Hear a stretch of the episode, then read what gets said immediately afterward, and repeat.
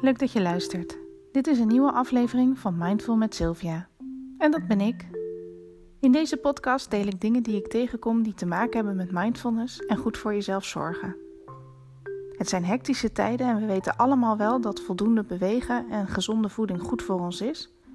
Maar hoe je aan je mentale gezondheid werkt, dat is nog niet zo algemeen bekend. En daar wil ik verandering in brengen. Ik ben mindfulness trainer en ik bied trainingen aan in groepen, één op één en bij bedrijven. En ik wil je mee laten zien dat mindfulness helemaal niet suf of zweverig is, maar een wetenschappelijk onderbouwde methode om meer rust en plezier in je leven te brengen. Nou, laten we beginnen met het onderwerp van vandaag.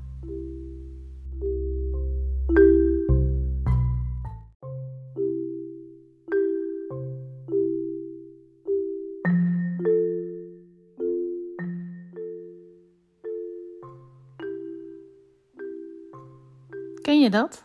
Dat je gevoel je iets probeert te vertellen?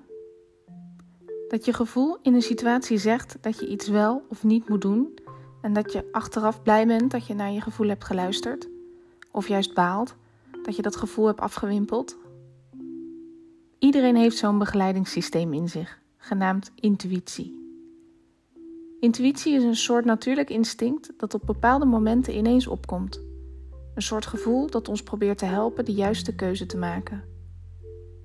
Vaak komt intuïtie ineens om de hoek kijken als we in een stressvolle situatie zijn. Wat ik dan ook wel weer ontzettend interessant vind, is dat we er vaak niet naar luisteren. Dat we denken: ah, dat kan toch niet? Of juist dat dat waar je intuïtie mee aankomt zetten de moeilijkste optie is. Meestal omdat het ver buiten onze comfortzone ligt. En juist daarom vertrouwen we het vaak niet. Vertrouwen op je intuïtie. Vertrouwen op jezelf. Hoe spannend dat ook is, je zult merken dat je intuïtie je bijna altijd op het juiste spoor zet.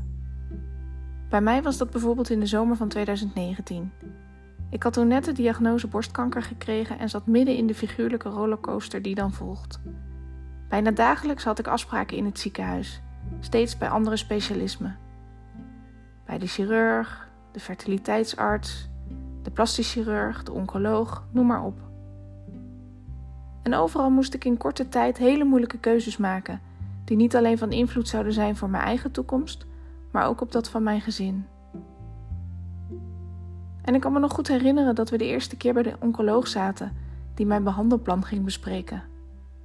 Gezien mijn leeftijd en het type borstkanker dat ik had, zou chemotherapie een standaard onderdeel van de behandeling zijn. En dat was iets waarvan mijn intuïtie meteen begon te stuiteren. Doe het niet. Neem geen chemo. Het was zo'n sterk gevoel en het bleef aanhouden. Zelfs na een aantal afspraken waarbij de oncoloog met statistieken en worst-case scenario's aankwam zetten, mijn gevoel bleef hetzelfde. Ik wil dit niet. Ik moet dit niet doen. Van chemo word ik nog zieker dan ik nu al ben. En wat voor gevolgen heeft het voor de langere termijn? Ik heb die, tussen aanhalingstekens, troep niet nodig. En begrijp me niet verkeerd, hè? ik ben echt heel erg voor chemotherapie. En ik ben er ook van overtuigd dat het voor heel veel mensen een redding kan zijn. Maar mijn intuïtie zei me dat ik overbehandeld zou worden als ik wel voor chemo zou kiezen. Mijn moeder vond uiteindelijk via internet informatie over de methode in Amerika waarbij ze een stukje tumorweefsel onderzoeken en testen of het gevoelig is voor chemotherapie. Toen ik dit in het ziekenhuis aankaartte, reageerde de oncoloog sceptisch, maar hij wilde meewerken. We spraken af dat als de test aangaf dat de tumor reageerde op de chemo, ik de therapie zou volgen. Vier weken later kwam de uitslag binnen. Wat denk je? De oncoloog gaf aan dat hij dit nog nooit had meegemaakt. De score moest 15 of minder zijn. Alles boven de 15 zou chemo betekenen. En ik had 12. Mijn kankercellen zouden niet reageren op een chemotherapiebehandeling. En dat is me dus dankzij mijn intuïtie bespaard gebleven. En nu is mijn voorbeeld misschien wat extreem, maar wellicht kun jij je ook een situatie herinneren waarbij je wel blij was dat je naar je intuïtie hebt geluisterd. Of waarvan je achteraf dacht: had ik nou toch maar naar mijn gevoel geluisterd? En mocht je je ooit in een situatie bevinden waarin je gevoel, je intuïtie je iets wil vertellen, schrijf dat dan niet meteen aan de kant, maar neem het serieus.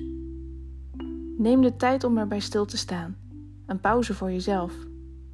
En heb vertrouwen. Vertrouwen dat jouw lijf en je hoofd het beste weten wat goed voor je is.